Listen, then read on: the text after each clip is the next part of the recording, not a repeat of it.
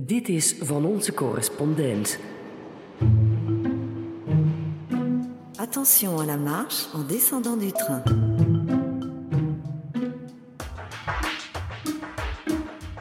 Welkom, ik ben Stefan de Vries, correspondent in Parijs en vanuit hier neem ik jullie twee keer per maand mee naar Nederlandse correspondenten in alle uithoeken van de planeet. De afgelopen weken zijn er in India al meer dan 20 mensen vermoord vanwege fake news. Wij appen met Eva Oude-Elfrink in New Delhi en zij vertelt over geruchten in chatgroepen die levensgevaarlijk zijn. We gaan naar Parijs, waar Emmanuel Macron, de wonderboy van de Europese politiek, zijn glans verloor door een opmerkelijk schandaal. En hoe staat het nu met Brexit? Londen-correspondent Anne Sane praat ons bij. Maar we gaan nu eerst naar. Athene.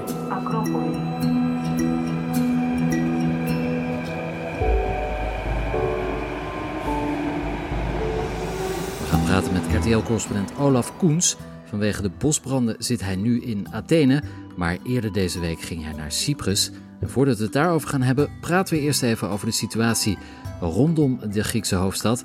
Ehm, ja, Olaf, kun je beschrijven wat je vandaag hebt gezien?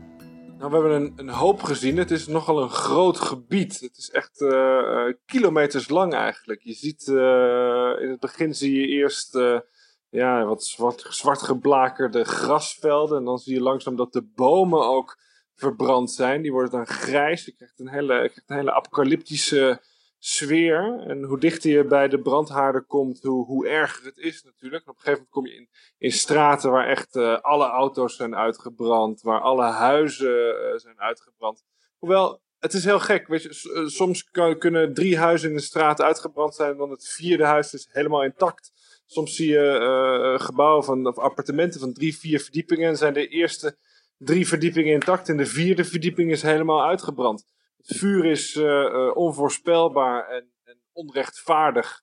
Um, je ziet heel veel leed natuurlijk. Mensen die uh, op zoek zijn naar geliefde familieleden die nog steeds vermist worden. Meestal zijn die dan tot op de dag van vandaag nog niet geïdentificeerd. Um, ja, het is wel dramatisch hier. behoorlijk heftig allemaal. Natuurlijk zoveel doden, zo snel allemaal. Um, de hulpverlening gaat verder goed. Uh, er zijn ook heel veel vrijwilligers, mensen die. Uh, ja, er zijn zelfs mensen die zich ontfermen om, om, om de katten en de honden die uh, ontheemd zijn bij, bij deze branden. Dus er wordt goed voor iedereen gezorgd. Maar men heeft elkaar wel hard nodig, denk ik, in deze tijd. Ja, een zeer treurige ramp. Zeker omdat alles er nu op wijst dat de brand is aangestoken. Dus ja, ruim 80 doden, honderden gewonden en bijna 2000 huizen in rook opgegaan. En voor wat vrolijker nieuws gaan we naar Cyprus. Uh, Olaf, eerder deze week was je in Nicosia. Dat is de laatste gedeelde hoofdstad ter wereld. Het zuiden van Cyprus hoort bij de Europese Unie, maar in het noorden zitten de Turkse Cyprioten. En dat deel is ongeveer een derde van het eiland en uh, is sinds eigenlijk de oorlog van 1974 uh, ja, in handen van de Turken. Jij bezocht het deze week en ontdekte dat de twee delen van Cyprus samen proberen uh, het gewelddadige verleden te verwerken. Dat, dat was ook een bijzondere ervaring, neem ik aan. Ja, daar was ik eigenlijk nog nooit echt geweest. Ik ben er wel eens een paar jaar geleden geweest uh, op vakantie, maar nu voor werk. En dat komt eigenlijk omdat het natuurlijk, ja, het is niet echt het Midden-Oosten. Het hoort niet echt uh, bij mijn gebied. Maar het is wel degelijk een, een, een conflictgebied. En, en, het is, ik, ik, ben in mijn werk best wel vaak op zoek naar positieve verhalen. Nou, je begrijpt, uh, dat, dat loopt niet over uh, in mijn regio. Maar wat er op Cyprus gebeurt is echt heel erg bijzonder. Uh, daar werken strijdende partijen, mensen van beide kanten, Turken en Grieken, werken samen om het verleden, om een beetje in het reine te komen met het verleden. Ik zal je uitleggen hoe dat gebeurt.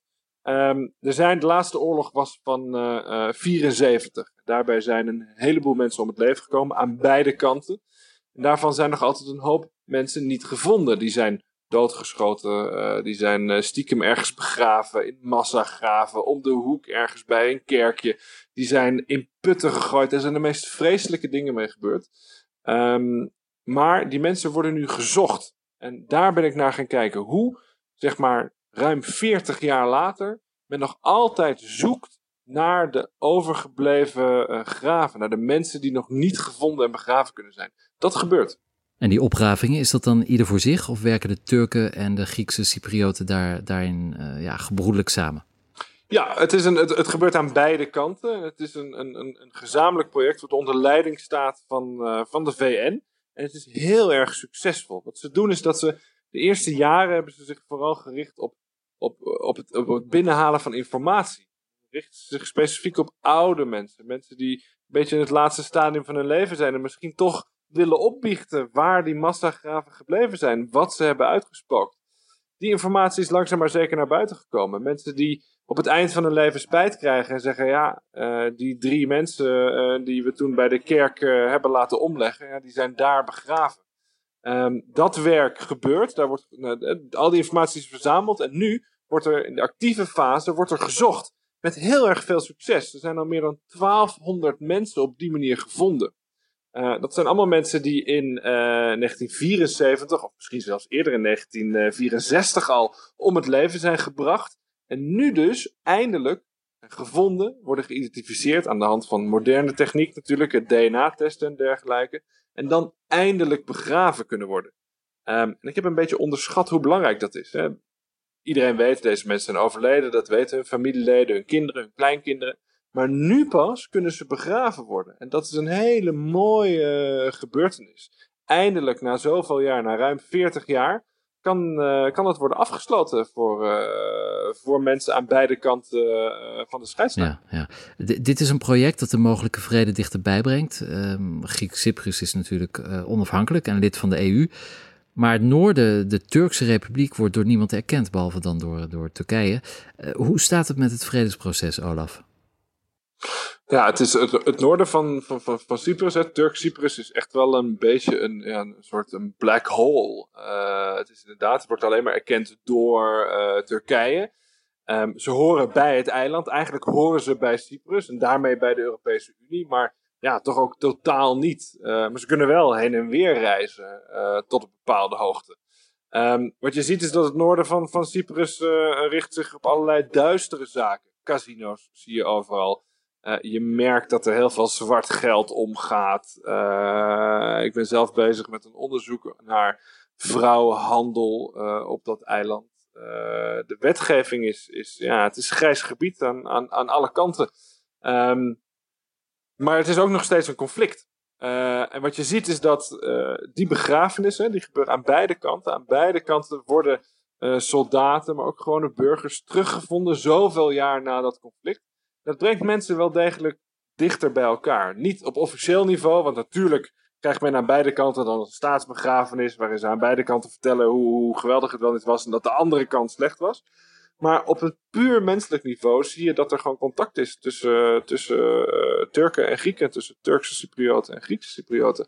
Uh, die komen bij elkaar over de vloer, die bezoeken elkaar, die hebben een, een, een gemeenschappelijk leed, die delen een, een, een traumatische ervaring waar ze nu langzaam gezamenlijk uh, mee vooruit kunnen. Um, en ik, ik moet je zeggen, de manier waarop dat gebeurt, de rol die de VN daarin speelt, hoe dat gebeurt, die opgravingen die dus nu nog steeds gebeuren, hè, uh, 40 graden, maar de hele dag staat men naast de graafmachine minutieus te kijken wat er uh, op 1 meter diepte uit de grond wordt gehaald. Dag in dag uit. En dat al, nou in ieder geval nu de laatste 15 jaar. Um, dat is best wel hoopvol. Daar zit, uh, daar zit iets heel iets moois in. Is de bevolking van het eiland eigenlijk zelf klaar voor hereniging? Of, of een soort van federatie met, uh, met de twee delen? Ja, daar is, daar is vroeger een referendum over geweest. Uh, dat hebben notabene de Grieks-Cyprioten tegengehouden. De Turkse Cyprioten hebben daar voor gestemd. Voor de, de, de, de hereniging van het eiland. Um, Vroeger was het, uh, het, het, het, perspectief op EU-lidmaatschap, dat was de stok achter de deur, waarbij iedereen, uh, ja, weet je, dat, dat was het, het beloofde land, zeg maar. Als, dat, ja, als men het eiland als geheel lid kon krijgen van de Europese Unie, dan was het probleem opgelost, dacht men. Nou, dat is dus niet gebeurd. En het, uh, ja, de, de, de, richting die Turkije opgaat, is natuurlijk ja, de tegenovergestelde de Turkse invloed op het eiland is natuurlijk gigantisch. Er altijd ontzettend veel militaire basis. Eigenlijk is het een soort onderdeel van Turkije, maar dan in een grijs uh, buitengebied. Uh, wat mij hoopvol stemt, en dat is een van de redenen waarom we daar naartoe zijn gegaan, is dat je merkt dat het op officieel niveau, hè, qua documenten, qua papieren, qua propaganda, qua taalgebruik, ja, daar is het echt nog heel erg een gescheiden eiland. Als je met mensen praat, zie je toch dat men, dat men dichter bij elkaar komt. Je merkt dat het conflict, ondanks het feit dat het, nou ja, 1974, de jongere generatie, ja, die heeft daar niet zoveel meer mee. en dat is best wel bijzonder. En zo'n conflict kan natuurlijk alleen maar worden opgelost wanneer mensen daar dat hoofdstuk kunnen sluiten. Je weet het, het is een, um, een Russisch gezegde: de oorlog is pas voorbij als de laatste soldaat begraven is. Daar is men daar uh, heel hard mee bezig. Een hoopvol geluid dus over Cyprus. Dankjewel, correspondent Olaf Koens in Griekenland. Overstappen voor de richting. This is Paddington. Change for the Bakerloo Line and National Rail Services. Londen. Net als wij zitten ook de Britten midden in een hittegolf. Maar onze Engelse overburen zweten vooral door een hete Brexit-zomer. En ook al is het Britse parlement met reces, achter de schermen gaan de voorbereidingen voor de Europese echtscheiding onverminderd door. Premier Theresa May is druk bezig haar derde en laatste Brexit-plan te slijten bij de EU-lidstaten. Dat lukt niet echt. De chef-onderhandelaar van Brussel, Michel Barnier, die heeft al gezegd dat ze haar tijd aan het verspillen is. Maar ook in eigen land is lang niet iedereen het met haar eens. En opvallend genoeg zitten niet alleen haar politieke vijanden in de weg, maar ook het Britse politieke systeem. En dat merkt correspondent Anne Sane in Londen. Een brexit waarmee iedereen het eens is, is praktisch onmogelijk. Dat is in de afgelopen twee jaar na het referendum wel gebleken. Een harde brexit, volledig breken met de EU en een splinternieuwe handelsdeal uit de grond stampen, dat kan jaren duren. Of de veiligste, zachte Brexit-route nemen, concessies doen aan de EU en veel banden met de Unie deels intact laten. Maar ja, is dat wel echt een Brexit? Het Britse parlement is tot op het bot verdeeld. Parlementsleden worstelen met de vraag of ze hun overtuigingen of partijpolitiek voor moeten laten gaan. Afgelopen maand bereikte deze gewetensvraag een hoogtepunt er werden stemmingen gehouden in het Lagerhuis over het wel of niet onderdeel blijven van de douane-Unie. Toch konden niet alle parlementsleden hun stem laten gelden, zoals de liberaal-democraat Joe Swindon. Een kleine maand geleden beviel ze van een zoontje, Gabriel. En vanwege haar zwangerschapsverlof zou ze de stemming missen. Geen wenselijke situatie tijdens een cruciale stemming die de koers van het land zal bepalen en waarbij bovendien elke stem telt. Maar Britse parlementsleden hebben daar iets op gevonden het missen van een belangrijke stemming wordt opgelost door het zogenaamde pairing-systeem, oftewel koppelen. Parlementsleden met tegenovergestelde mening spreken onderling af dat ze beide niet zullen stemmen. Zo blijft een stemming representatief en het democratisch proces eerlijk. Vastgelegd in de wet is pairing alleen niet. Het is een zogenaamde gentleman's agreement, puur gebaseerd op vertrouwen. En daar ging het afgelopen maand mis. De conservatieve partij van Theresa May oefende zoveel druk uit dat Joe's opponent, Brandon Lewis, zijn stem toch uitbracht. Joe reageerde begrijpelijkerwijs furieus. Hoe laag kan de regering gaan? voeterde ze op Twitter. En dit is een uitgerekende en opzettelijke zet. Hier is maar één woord voor: bedrog. Sorry Joe, antwoordde Lewis zwakjes via social media. Het moet een vergissing zijn geweest. De situatie ontwikkelde zich snel. Het spijt me. De conservatieve partij overleefde de stemming uiteindelijk nipt met slechts enkele stemmen. En dat terwijl er volgens dagblad The Times druk uitgeoefend werd op minstens drie koppels om hun belofte te breken. In een democratisch land als Groot-Brittannië zou je toch mogen verwachten dat een schijnbaar simpel probleem makkelijk te verhelpen is door het vast te leggen in de wet. Afspraak is afspraak. En de koers van een land zou toch niet bepaald moeten worden door de privéomstandigheden van parlementsleden, zoals het zwangerschapsverlof van Joe Swindon. Britse parlementaire regels zijn duidelijk blijven steken in de middeleeuwen. En het idee dat zich ook binnen de EU steeds meer begint te vestigen, lijkt te kloppen. De Britten zitten in eerste instantie vooral zichzelf in de weg als het gaat om Brexit. Tja, Brexit. Zal het er ooit nog van komen? Over precies 34 weken, op 29 maart 2019, zullen we het weten.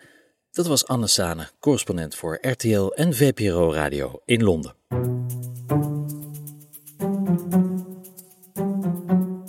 De volgende halte is... Direction Étoile, prochain train dans une minute.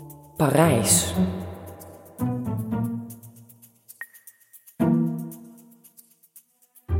Twee weken geleden won Frankrijk voor de tweede keer in de geschiedenis het WK voetbal in een spectaculaire finale tegen Kroatië. In een normaal land zou dat reden zijn voor weken of zelfs maanden vreugde en optimisme. Maar niet in Frankrijk. De Fransen zouden de Fransen niet zijn als er niet een of ander politiek schandaal roet in het eten zou gooien. En wat voor schandaal? Benalla-gate, zoals het inmiddels heet, is uitgegroeid tot de grootste crisis in de carrière van Emmanuel Macron. De Franse president werd vorig jaar gekozen vanwege zijn ambitieuze hervormingsplannen en ook omdat hij beloofde een einde te maken aan smerige politieke praktijken. Hij zou Frankrijk veranderen in een onkreukbare republiek. En daarnaast zou hij ook nog eens even eigenhandig Europa gaan redden.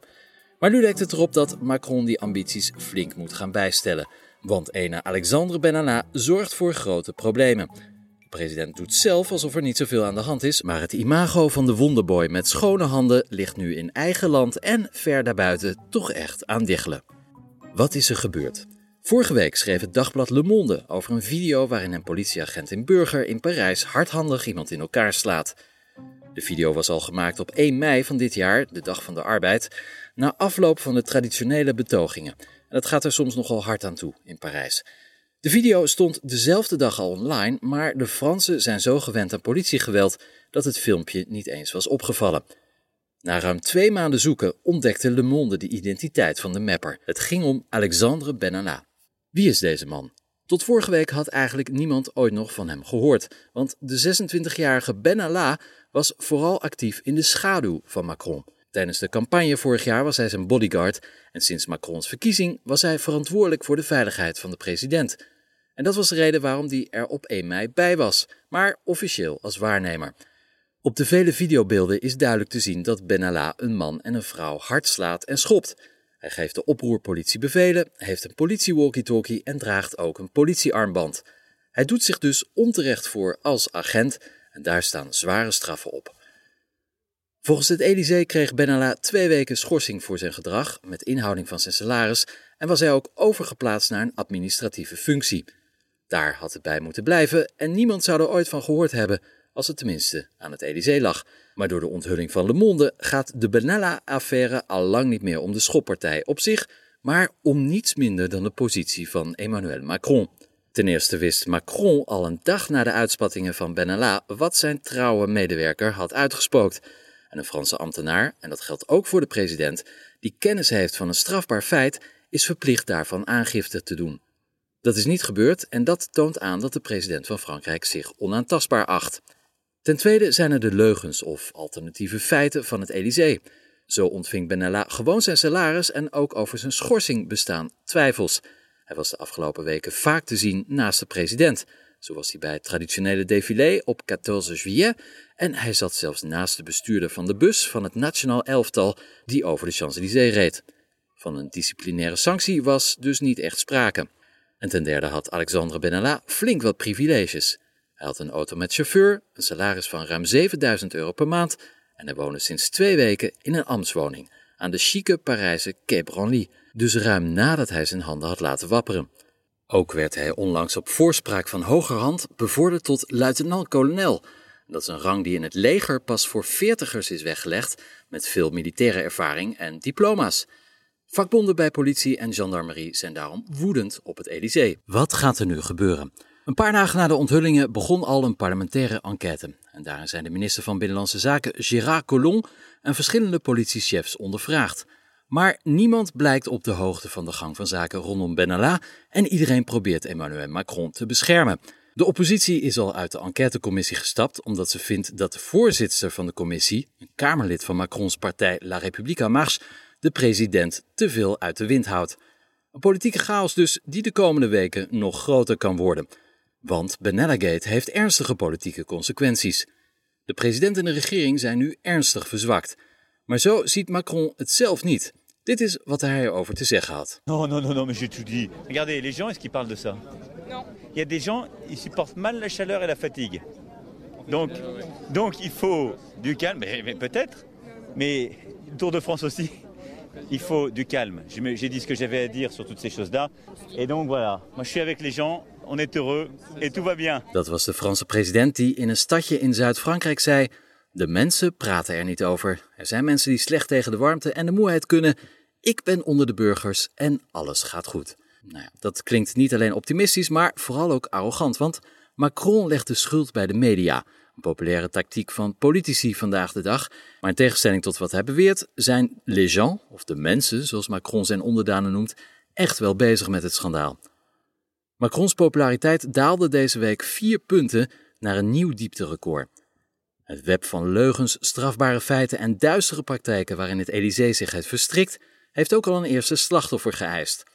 Op de agenda van het parlement stond deze week het debat over de verandering van de grondwet. Maar dat is nu voor onbepaalde tijd opgeschort. En die grondwetswijziging was een van Macrons meest ambitieuze hervormingen. En dat betekent dat zijn programma om Frankrijk eindelijk uit de slop te halen grote vertraging oploopt. En dan is er nog Europa. Door het journalistieke speurwerk van Le Monde zit niet alleen Frankrijk in de nesten, maar kan ook de EU in de problemen komen. Macron heeft sinds zijn aantreden vorig jaar mei een voortrekkersrol genomen om de Europese Unie te hervormen. Vooralsnog bleef het bij ambitieuze toespraken, maar in Brussel en andere hoofdsteden wordt hij gezien als de messias die de Unie wel even zou redden.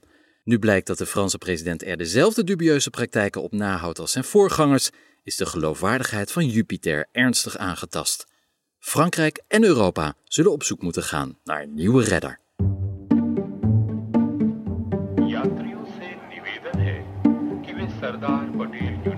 De volgende halte is New Delhi. In verschillende staten door heel India zijn in totaal zeker 20 mensen omgebracht vanwege geruchten op WhatsApp. Wat is daar aan de hand? We vragen het aan Eva Oude Elfrink. Zij is correspondent van NRC Handelsblad in New Delhi. En ik heb haar nu aan de lijn. Uh, ja, hallo Eva, wat is er gebeurd bij jou? Ja, dat zijn berichten die, uh, die de ronde gaan, in, wat je zegt, in verschillende deelstaten. En de kern is eigenlijk overal hetzelfde. Er zouden kidnappers in de omgeving actief zijn. Dus iedereen moet oppassen, aan zijn kinderen binnenhouden, maar vooral opletten op auto's zonder nummerplaten en vreemde gezichten die in buurt zouden rondrijden. Um, die gerichten zijn eigenlijk altijd geruchten en niet op feiten gebaseerd. Um, maar het heeft er wel toe geleid dat op, nou zeker dus twintig mensen al door, uh, door meutes op die manier zijn gedood, omdat ze ervan werden verdacht dat zij dus kidnappers waren. Dat waren vaak mensen die niet eens zozeer van heel ver kwamen uit die omgeving. Sommigen kwamen gewoon uit dezelfde deelstaat, maar niet uit die stad of uit dat dorp. Um, en gedroegen zich volgens dorpsbewoners verdacht, reden rond in een auto die ze niet kenden. Uh, was een geval waarvan een familie uh, was uitgestapt, was het aan het eten. Die waren snoepjes aan het uitdelen aan kinderen. Dat vonden mensen verdacht. En dat heeft uh, nou ja, bloedige gevolgen gehad. Maar hoe gebeurt het dan? Mensen zien iets waarvan zij denken dat het verdacht is en, en dat versturen ze dan als appje naar een vriendengroep? Ja, je moet begrijpen, WhatsApp is hier in India veruit een van de populairste apps die mensen... Iedereen heeft het vrijwel, als je een smartphone hebt, dan heb je WhatsApp op je telefoon staan. En groepsapps zijn al helemaal uh, het summum. Iedereen zit wel in groepen met familie, met buren, met gemeenschappen. Ik weet niet hoeveel groepen, is hier uh, nogal overdonderend. Um, en die berichten worden dus bijvoorbeeld dit soort nepwaarschuwingen die er zijn. Uh, filmpjes die worden rondgestuurd met beelden die duidelijk ergens anders zijn opgenomen, maar zogenaamd dus in die omgeving, in die staat. Die worden massaal naar elkaar doorgestuurd in die WhatsApp-groepen. En vervolgens heb je dus ook uh, dat die mensen, als ze iemand tegenkomen in het dorp die verdacht is, via die WhatsApp-groepen uh, iedereen oproepen van nu hierheen komen, want uh, ik zie een kidnapper, ik zie verdachte mensen. En dan krijg je al vrij snel een chaotische situatie waarbij nou ja, mensen dus kunnen roepen wat ze willen, dat ze toeristen zijn, dat ze uit de buurt komen, dat ze dit, dat ze dat, maar daar wordt dan niet meer naar geluisterd. Ja. En dan, en dan volgt een vechtpartij en in het eerste geval overleven ze het niet. Ja, en het gaat echt met bruut geweld. Ik ben zelf in Tripura geweest. Dat is een staat in het noordoosten van, uh, van India. En daar was het geval, uh, daar is een man gedood die door de, die door de lokale... Het is een cru verhaal. Ja, het, het, zijn allemaal cru gevallen natuurlijk. Maar deze man die was gedood nadat hij door de regering, de lokale ging, was ingehuurd om in een busje rond te rijden. En mensen via microfoon te waarschuwen voor de valse geruchten die er, die er op dat moment gaande waren. Of de ronde gingen in, uh, in die omgeving. Ja. En hij is op een gegeven moment op een dorpsplein gekomen met dat busje samen met de chauffeur en een geluidstechnicus. Het busje was nieuw, had nog geen uh, nummerplaat. Het was een marktdag, het was heel druk. En um, al vrij snel was er een groepje dat naar hen toe kwam en dat, dat eigenlijk niet vertrouwde wat ze daar aan het doen waren. En dat escaleerde heel rap. Ehm, ik heb de familie, nou niet alleen de familie, maar iedereen heeft wel beelden op zijn telefoon staan. Want dat is dan natuurlijk ook nog iets wat hier gebeurt. Als er dan zo'n geweldsuitbarsting plaatsvindt, zijn er heel veel mensen die dat filmen. Um, wat uiteindelijk de politie heeft geholpen om de daders op te pakken. Maar waarop je dus ook heel duidelijk ziet met wat voor geweld er eigenlijk op iemand wordt ingeramd in dit geval. Nou, het waren geen beelden die ik heel graag had willen kijken. Maar je zag, uh, alles werd ongeveer van de grond geraapt. Wat ze van de grond konden rapen. Er werd met baksteen op de man ingeslagen. Met takken. En hij kwam dus in dit geval uit een, een stadje of een dorpje op pakweg 20 kilometer daar vandaan. Zijn de mensen terecht bang? Zijn er inderdaad echte ontvoeringen van kinderen in India? Of is het puur een broodje aap dat uh, extreme proporties heeft aangenomen? Nou, kidnap, kidnappingen komen wel degelijk voor in India. Um, maar gek genoeg dus niet op de plekken waar al deze gevallen hebben plaatsgevonden. Onder andere in Tripura dus, waar ik uh, met de politie heb gesproken. Ik zeg, we zijn dit jaar zijn, was er ik zeg nu even uit mijn hoofd, een geval of zes of, of tien uh, van kinderen die vermist waren geraakt. En hebben we het nog niet eens over ontvoerd, maar die als vermist waren opgegeven. En dat is eh, nog steeds natuurlijk ieder kind dat vermist raakt is erg. Maar dat was niet een enorm hoog aantal dusdanig dat het um, verklaarde waar die geruchten vandaan kwamen. En dat geldt eigenlijk voor alle plekken waar dit heeft plaatsgevonden. De, de politie kon niet kon eigenlijk niet uitleggen waarom in één keer die angst er was en waar die filmpjes vandaan kwamen. Ja, opmerkelijk. En hoe hebben de Indiase autoriteiten en natuurlijk ook uh, WhatsApp zelf uh, gereageerd op deze vreselijke moordpartijen? Nou, de Indiase regering die heeft natuurlijk dat geweld heel hard afgekeurd, zeggen ze dan. Uh, we zijn erop tegen. Ze hebben met name ook WhatsApp uh, verschillende keren gewaarschuwd dat ze nu toch echt met maatregelen moesten komen. Wat lastig is voor WhatsApp, want dat bedrijf werkt natuurlijk met berichten die um, encrypted zijn, versleuteld zijn. Dus het is niet zo makkelijk om te achterhalen wie er achter berichten zit, wat bijvoorbeeld de regering dan wel graag zou willen. Um, en ook voor WhatsApp om te controleren wat voor berichten er allemaal worden rondgestuurd. Um, WhatsApp zelf heeft dus nu wel uh, de regels, of, of die heeft een aantal aanpassingen in de app gemaakt. Uh, die uh, wereldwijd gelden, maar nog zwaarder zijn in India. Eén daarvan is dat ze het aantal um, bericht, of het aantal, ja, het aantal uh, mensen naar wie een bericht kan worden doorgestuurd, uh, doorgestuurd, wat eerst ongelimiteerd was, hebben teruggebracht in India naar vijf. Dat kunnen dan nog steeds vijf groepen zijn en niet vijf personen. Um, maar wel, uh, ze hebben het wel wat moeilijker gemaakt om de uh, berichten massaal door te sturen. En ze hebben ook de drempel verhoogd om zo'n bericht, heel, wat je nu dus heel makkelijk kan doorsturen via zo'n knopje, um, nou, forward to all, wat je dan hebt. Um, die knop hebben ze weggehaald. Dus nu zouden mensen bijvoorbeeld een filmpje eerst moeten downloaden op hun telefoon en dat vervolgens zelf doorsturen. Wat nog steeds niet heel moeilijk is, maar het is wel een extra drempel uh, waarvan WhatsApp hoopt dat het mensen nou ja, ervan zal weerhouden om, uh, om die berichten massaal door te sturen. Ze hebben ook een campagne gevoerd op, uh, dus op allemaal kranten, zowel Engelstalige kranten als, uh, als lokale kranten, hebben ze pagina grote advertenties geplaatst met waarschuwingen eigenlijk voor, voor de geruchten die de ronde gaan over, via WhatsApp en over dat mensen zich uh, dan moeten oppassen als ze dat soort berichten voorbij zien komen, dat ze uh, dat soort berichten ook altijd moeten checken bij uh, nou ja, reguliere nieuwsmedia onder andere. Uh, en nooit zomaar klakkeloos iets moeten doorsturen naar groepen. Uh, maar ja, het is dus de vraag in hoeverre dat zin gaat hebben. WhatsApp heeft in India 200 miljoen gebruikers op het moment. dat is, daarmee is India veruit hun grootste markt.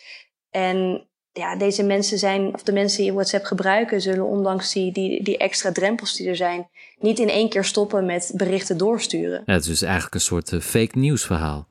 Ja, ja, dat is het zeker. Een uh, fake nieuwsverhaal wat hier uh, nou, een hele terug gevolgen heeft. Goed, dankjewel. Eva Oude Elverink in New Delhi.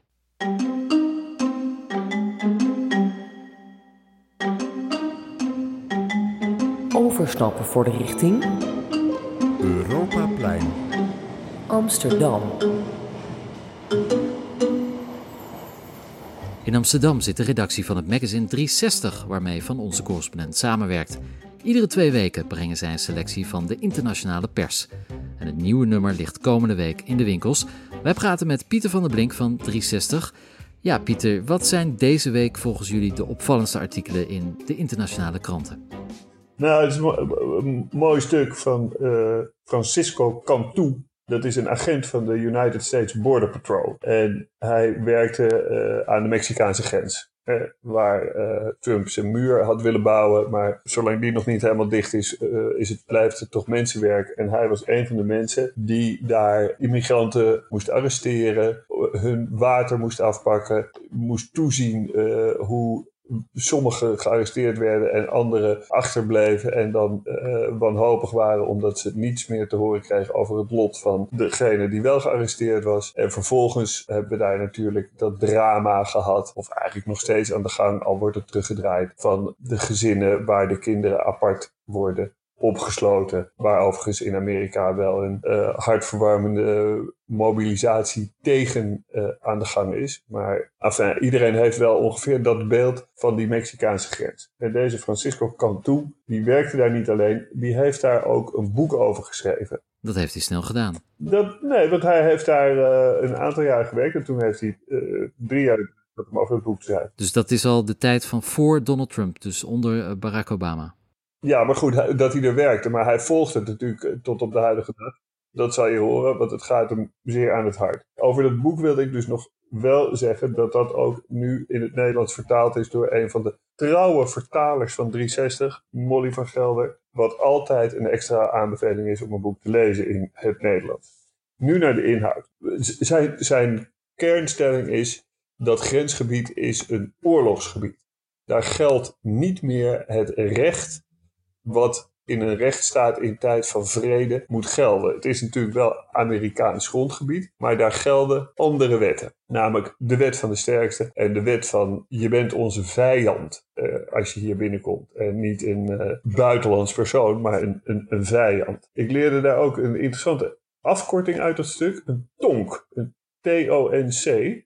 Nou, Francisco Cantu die draagt drie vertalingen daarvoor aan. Want de Agenten van de Border Patrol die spreken onderling over immigranten als tonks. Maar wat betekent dat nou? Betekent dat een temporarily out of native country? Dus een tonk is iemand die tijdelijk uit zijn geboorteland weg is. Of is iemand van wie de territory of origin not known is. Dan je ook, krijg je ook tonk als je dat afkort. Het meest waarschijnlijke lijkt hem dat het een onomatopee is een verwijzing naar het geluid uh, van de klap van een zaklantaarn op het hoofd van een immigrant. Want die Border Patrol agenten hebben van die hele lange staaflantaarns, die inderdaad gebruikt kunnen worden om ergens een lichtje op te schijnen, maar die ook andersom gebruikt kunnen worden, waarbij het lampgedeelte in de hand van de Border Patrol agent is en het staafgedeelte neerkomt op het hoofd van de immigrant. En dan hoor je tonk.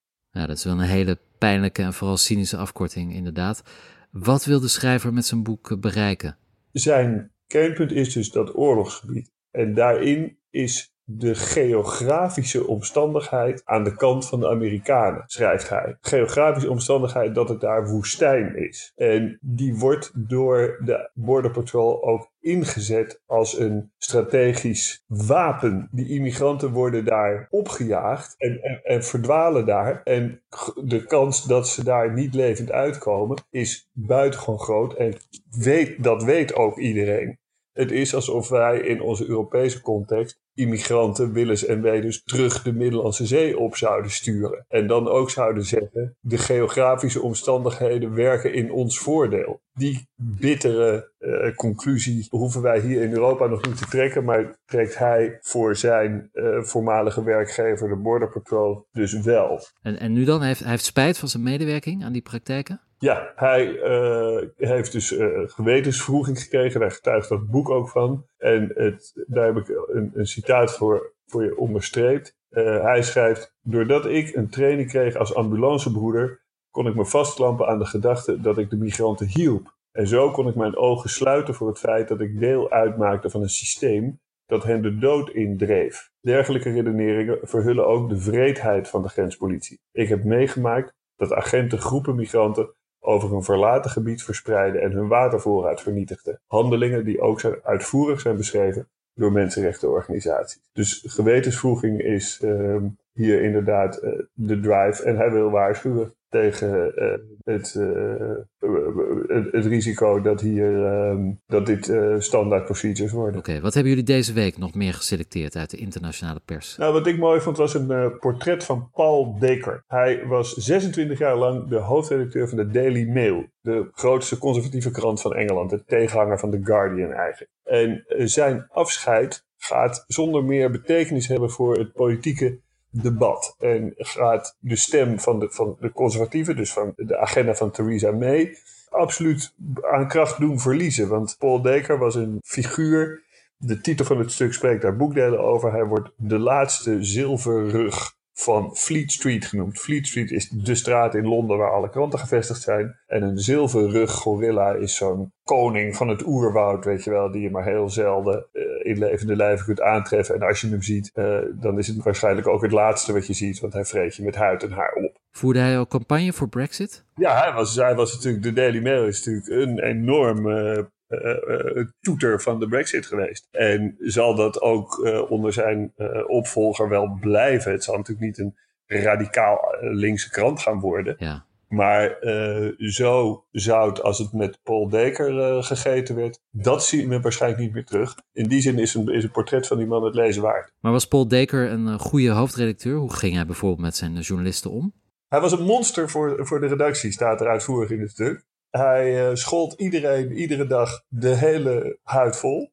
Het was nooit goed wat mensen geschreven hadden. Het was nooit op tijd af. En de gevolgen daarvan zijn waarschijnlijk zo ernstig dat het de redactie collectief aan het Stockholm-syndroom zal blijken te leiden als hij weg is. En mogelijkerwijs dus niet meer kan werken zonder die dagelijkse scheldkanonades. Enfin, dat is een uh, suggestie met de tong in cheek van de New Statesman waar we dit stuk uit hebben gehaald. En dat is natuurlijk weer een linksweekblad. Dus die plagen ook hier een beetje de Daily Mail. Maar dat doet er niets aan af. Paul Dekker was een monster voor zijn, voor zijn werknemers. Nou, ik kijk er in ieder geval naar uit om het artikel te lezen. Dankjewel Pieter van der Blink. Dat en meer deze week dus in het nieuwe nummer van 360 met het beste uit de internationale pers. Vanaf nu in de kiosk.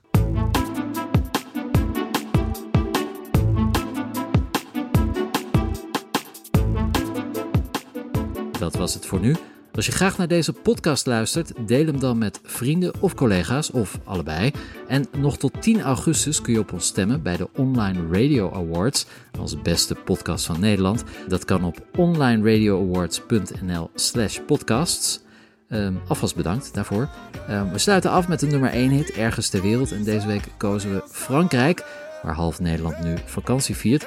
Daar staat de rapper VG Dream op 1 met het nummer Ramener la coupe à la maison. Oftewel, breng de cup mee terug naar huis. Nou, dat is het eh, Franse elftal in ieder geval gelukt. En al deze internationale tracks staan ook op onze playlist in Spotify. Even zoeken op Van Onze Correspondent Muziek. Voor nu, dank voor het luisteren en kijk in de tussentijd voor andere fascinerende en onderhoudende podcasts op www.dagenacht.nl. Over twee weken zijn wij er weer. Tot dan. Au revoir.